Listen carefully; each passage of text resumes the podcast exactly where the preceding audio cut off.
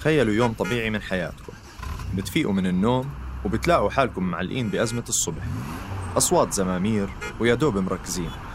وبتلاقوا حالكم وصلتوا لشغلكم أو جامعاتكم بتقعدوا على مكاتبكم لساعات طويلة. بتمروا عن كثير ناس بيومكم. بس الكل بحاله وعنده تجربة على الأغلب شبيهة. بعدين بترجعوا على بيوتكم وأيضا بتمروا بهالأزمات والفوضى. ممكن تمارسوا هواياتكم وتعبوا وقتكم بس في نوع من الإرهاق النفسي. وما فيش منفس لهالإرهاق مشان الروتين بضله يعيد نفسه. ويا سلام لو قدرتوا بعد الدوام أو بآخر الأسبوع تبعدوا عن هالفوضى وتزوروا حديقة تمشوا فيها مع أولادكم أو أصحابكم وتنسوا خطر السيارات وتتمتعوا بالأشجار والأزهار والهدوء والهواء النقي. البيت الشارع الحديقة والسيارة كلها عناصر بتدخل بتركيب مدننا وبالتالي بتركيبتنا إحنا كبشر منعيش بالمدينة. بهاي الحلقة رح نحاول نعرف من وين إجت المدن وعلاقتها مع البيئة ورح نتخيل مع بعض عناصر المدينة الفاضلة. بعد ست سنوات من شغلي بمجال البيئة والتنمية الحضرية لاحظت أنه لساتنا محتاجين نحكي عن البيئة ونناقشها خاصة أنه المحتوى العربي بهذا المجال محدود. من هون انخلق هالبودكاست. أنا علي عطاري بقدم لكم بودكاست مد وجزر اللي رح ناخد ونعطي فيه لحتى نفهم بيئتنا أكتر. هذا العمل من إنتاج صوت بالتعاون مع مؤسسة فريدريش إيبرت. اليوم صوت حياتنا اليومية بيعتمد بشكل أساسي على السيارات والزمامير والضجيج ولكن زمان زمان كتير يعني قبل مئات آلاف السنين كانت الأصوات مختلفة تماما. أجدادنا اللي عاشوا بهداك الزمن كانوا بيتنقلوا من منطقة للتانية لحتى يأمنوا غذائهم المعتمد على تجميع الثمار وصيد الحيوانات. وظل الإنسان اللي بنطلق عليه مسمى الصياد الجامع أو الهنتر جاذرر يتحرك باستمرار لحد ما وصل لمرحلة قدر يجيب الغذاء لعنده بدل ما هو يبحث عنه. يعني بمعنى آخر اكتشف الزراعة وبلش يعتمد عليها. لما كانوا البشر معتمدين على الصيد والجمع ما كانوا ينجبوا أطفال كثير بسبب حاجتهم للتحرك المستمر وصعوبة نمط الحياة إجمالا. بس الاستقرار اللي توفر وقت الثورة الزراعية سمح لهم أنهم ينجبوا أكثر واللي شجعهم أكثر على الإنجاب هو الحاجة لأيدي عاملة في الحقول لزيادة المحاصيل. بعد الزراعة إجت الصناعة واللي قدمت اختراعات كثيرة من أهمها المحرك البخاري اللي استخدم في النقل في القطارات والقوارب. طبعا كل هاي التطورات ساهمت في جمع الناس بمكان واحد. هذا باختصار شديد هو التسلسل التاريخي لنشوء المدن. يمكن المدن بالنسبة لنا اليوم هي أمر مسلم به ولكن فعليا في أسباب عديدة وتاريخ طويل لنشوء هاي الظاهرة الإنسانية بأشكالها المتعددة. المدن بتجذب الناس بسبب الفرص والخدمات المختلفة مثل التعليم والصحة. فالمدينة بتوفر مزايا كثيرة لسكانها بس بكثير من الأوقات نستفيد من هاي المزايا على حساب البيئة الطبيعية. لحتى أعرف أكثر كيف ممكن نوفق ما بين الخدمات والمزايا من جهة والبيئة من جهة أخرى تحاورت مع الدكتور محمد الأسد المدير المؤسس لمركز دراسات البيئة المبنية في عمان الأردن. أنا شخصيا بعتقد أنه للأسف العلاقة بين التجمعات السكنية والطبيعة آه، علاقة اللي بسميها بالإنجليزي zero sum game إنه آه، واحدة على حساب الثانية. فدائما إحنا نشاطاتنا الإنسانية إلا يكون لها أثر سلبي على البيئة الطبيعية. فبالنسبة لي الحل كيف إنه مش نلغي هالأثر السلبي بس على الأقل إنه نقلل منه إلى أكبر حد ممكن. ونخلي الفوت برنت أو طبعتنا على الأرض أصغر ما يمكن فبرأيي لازم نبدأ من هذا المنطلق فعلشان هيك مثلا كل ما إحنا كثافة السكانية كانت أعلى كل ما كان الحيز اللي ناخذه إحنا بالطبيعة أقل. اذا مقابل الخطاب الشائع اللي بيدعو لتوسع المدن، بيعتقد الدكتور محمد أنه الكثافة والتكتل في أماكن محدودة مهم جدا إذا أردنا الحفاظ على البيئة وأيضا لتبسيط عملية توفير الخدمات والفرص للسكان. طبعا ما بنكر الدكتور محمد أنه الكثافة ممكن أنها تؤدي لمشاكل كثيرة مثل انتشار الأمراض وازدحام السيارات. ولكن هالأمور ممكن تنحل إذا اعتمدنا على علم التخطيط الحضري والإدارة الحضرية اللي بيحاولوا يعادلوا بين هالأبعاد. شوي صرت مع إنه مصطلح منتشر لعملية التخطيط الحضري. صرت أفضل أكثر وأكثر مصطلح الإدارة الحضرية أنا لحد ما آه، المدينة بعتبرها زي الكائن الحي آه، متغير بتيجينا تغيرات مفاجئة.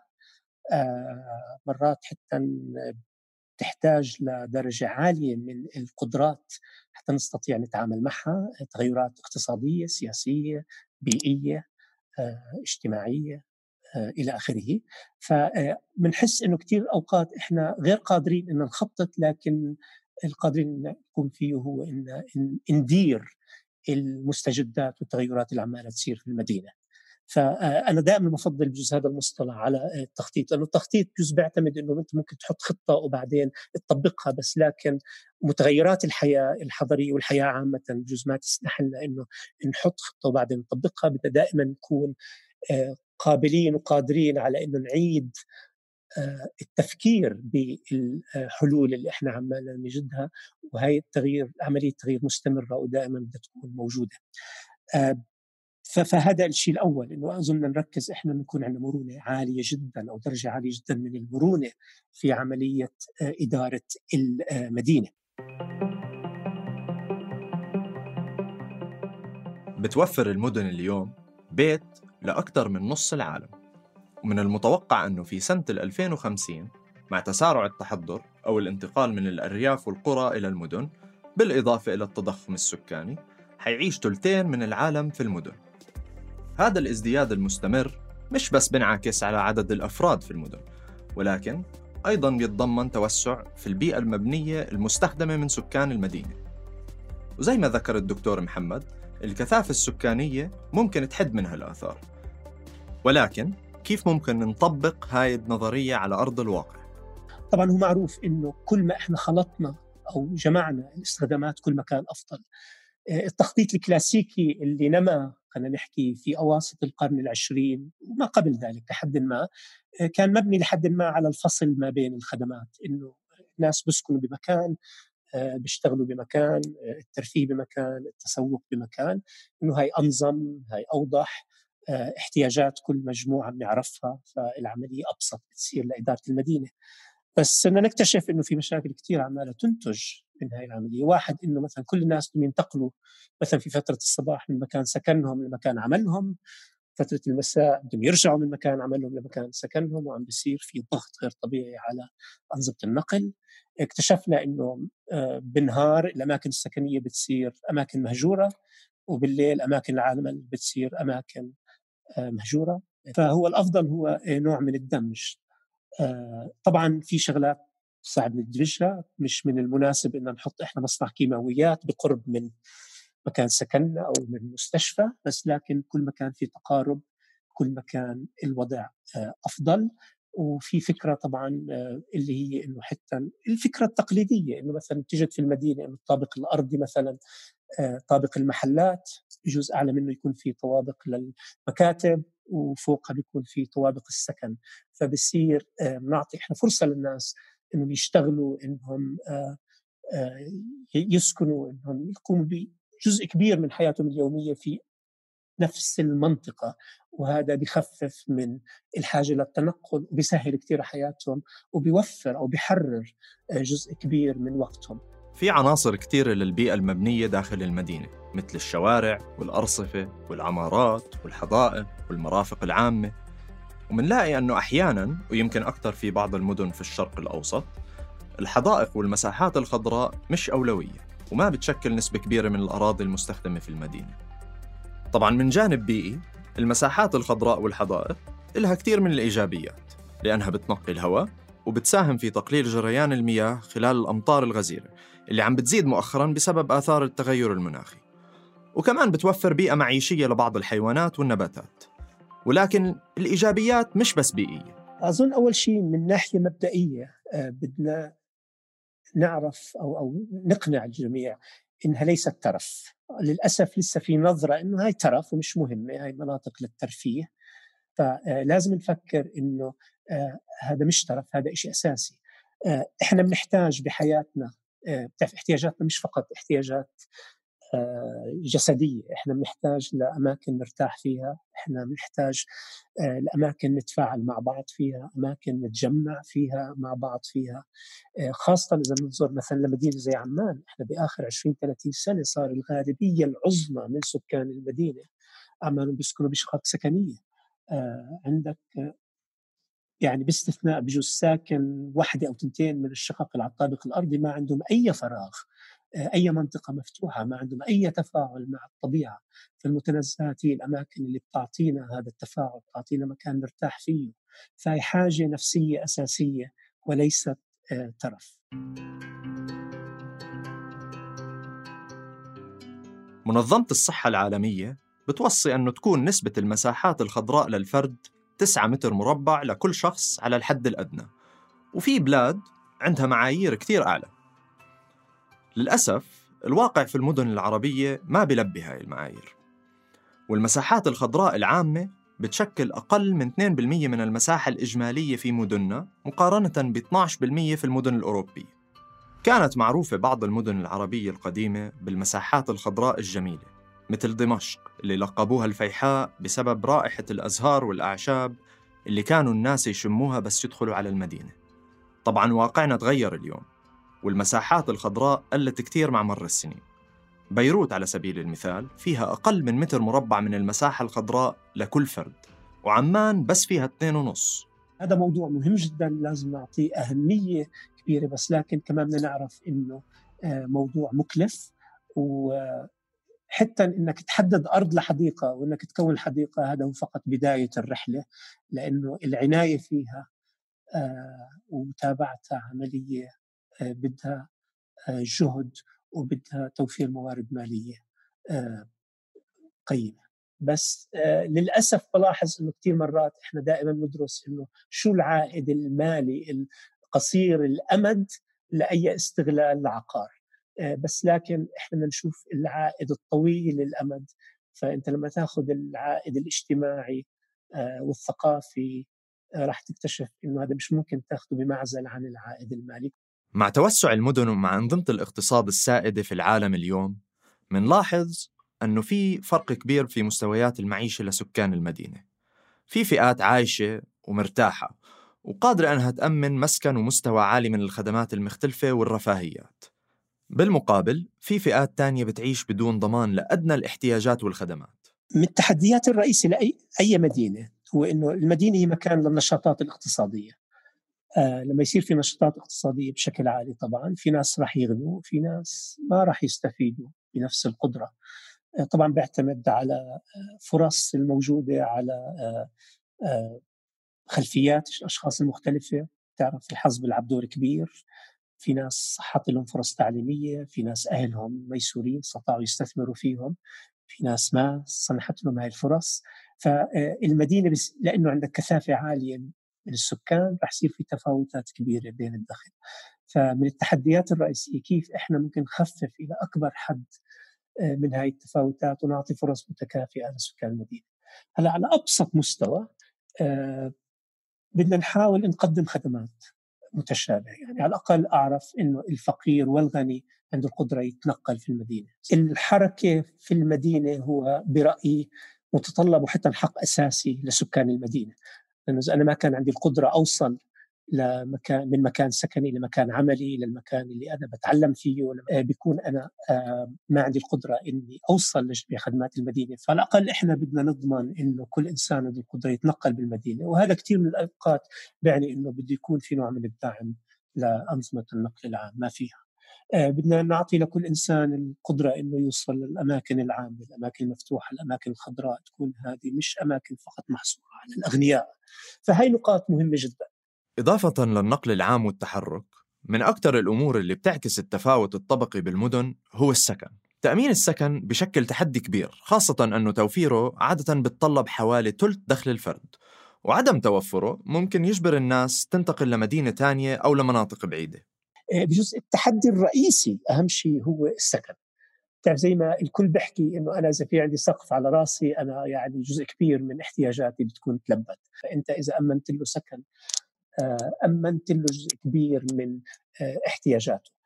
المشكلة إنه طبعا كل ما المدينة صار فيها كثافة أعلى وفيها نشاط أكثر كل ما العقار بصير فيها أغلى كل ما صار أصعب على الإنسان إنه يستطيع أن يقتني السكن فيها. ونعرف طبعا في مدن في العالم كثير من المدن المهمة نيويورك لندن إلى آخره اللي حتى أصحاب الدخل الجيد عم بتغلبوا إنه يكون عندهم سكن.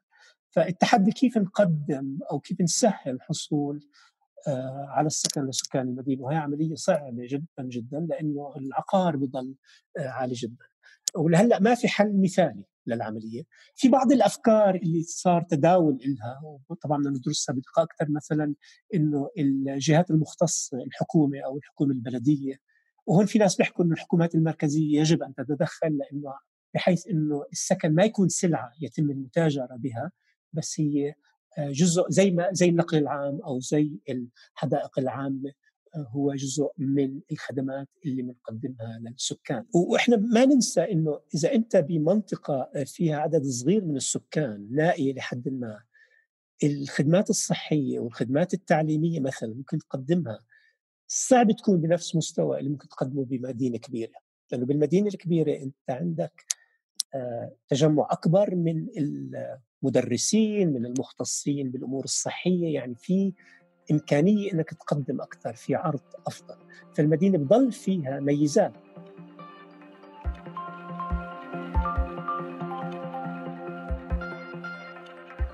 المدينة معقدة وفيها متغيرات كثيرة فلازم الجهات الحكومية والبلديات تفكر بجدية بإدارة المدن وتوسعها.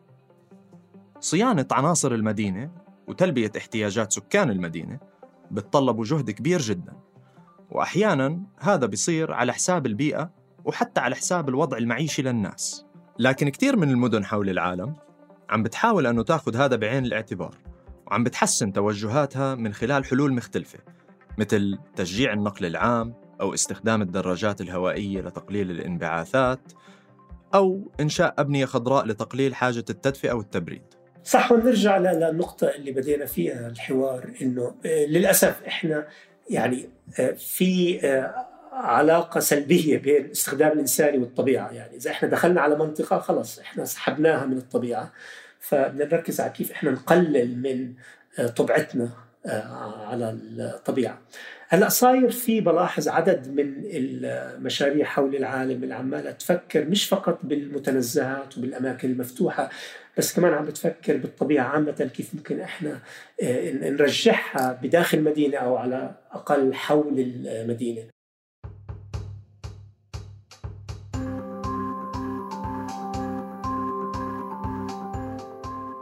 ممكن بعض منكم سمع عن سيل عمان اللي كان موجود في وسط مدينة عمان والآن معروف باسمه الجديد سقف السيل نسبة لتسقيفه اللي ابتدأ في سنة 1964 في كتير أمثلة مشابهة حول العالم بس حابب أركز على سيل في مدينة سيول في كوريا الجنوبية اللي مثل عمان تم تسقيفه لشارع رئيسي مرتفع كان يفصل بين شمال وجنوب المدينة للأربعين سنة اللي كان مبني فيها. في سنة 2002 ورغم معارضة شرسة قرر أمين المدينة لي ميون باك بإزالة سقف السيل اللي كان فيه أربع مسارب للسيارات. وفعلا تم إعادة تأهيله وإرجاع المي وصار مكان شعبي محبوب للناس. تتنزه فيه وتتمشى حواليه ورجعت بعض الحيوانات للمنطقة واعتبروا المشروع ناجح جدا بيئيا واجتماعيا. في كتير أمثلة أخرى من مدن بتمثل نماذج إيجابية حول توازن البيئة الحضرية مع البيئة الطبيعية. عندنا بالرياض مشروع من أجمل المشاريع برأيي اللي هو مشروع وادي حنيفة اللي هو تقليدي طبيعي كان موجود لما كانت الرياض بلدة صغيرة بس لكن للأسف آه، عانى كثيرا مع نمو الرياض وحتى صار نوع من مكب. بس عبر العشرين سنة الماضية صار إعادة تأهيل له رجعوا المي له رجعوا الطبيعة له رجعوا الزراعة له آه، بمدينة أنقرة في جامعة الشرق الأوسط للتكنولوجيا ميتو بتركيا عملوا مشروع ضخم عبر عشرات السنوات الماضية أظن من الستينات أو السبعينات اللي بدوا يزرعوا آه، غابات حول المدينة وتأثيرها كان إيجابي جدا. أولا أعطت تنفس لسكان المدينة اثنين ساعدت إلى شكل كبير بتنقية هواء المدينة وكمان عملت نوع من الحاجز لنمو المدينة إنه المدينة تضلها موجودة في الداخل. وتزيد كثافتها بدل ما تضلها تتوسع وتأكل بنوع من النهم المناطق المحيطة بها. فهلأ في نوع من التفكير إنه كيف إحنا ممكن نرجع مش بس فقط آه، نبني أو أو نكون أماكن مفتوحة خضراء بس لكن نرجع الطبيعة كاملة إلى المدينة. وعم نلاحظ إنه لما نقوم بهذه العمليات في كتير طيور عم ترجع آه، في بعض الحيوانات بترجع في نباتات بترجع بتنمو. آه، فأظن هذا كمان مشاريع مهمة جدا. طبعا كالعادة هذا بيعني أنه في عقارات بدل ما إحنا نطورها آه، لصالح فكرة الربح القصير الأمد إحنا عمالنا نطورها في سبيل صحة المدينة طويلة الأمد. وإحنا برأيي لازم دائما نفكر بجوز هذا السؤال مهم كل واحد منا يسأله شو بدنا نترك لأولادنا لأحفادنا للجيل اللي بعدنا؟ آه، لأنه مرات الشجع قصير الأمد بجوز إحنا نستفيد كأفراد بس رح نترك لهم عالم صعب جدا في تحديات كبيرة ومخاطر كبيرة. فعلى الأقل نفكر بالجيل اللي بتبعنا. شو بدنا نترك له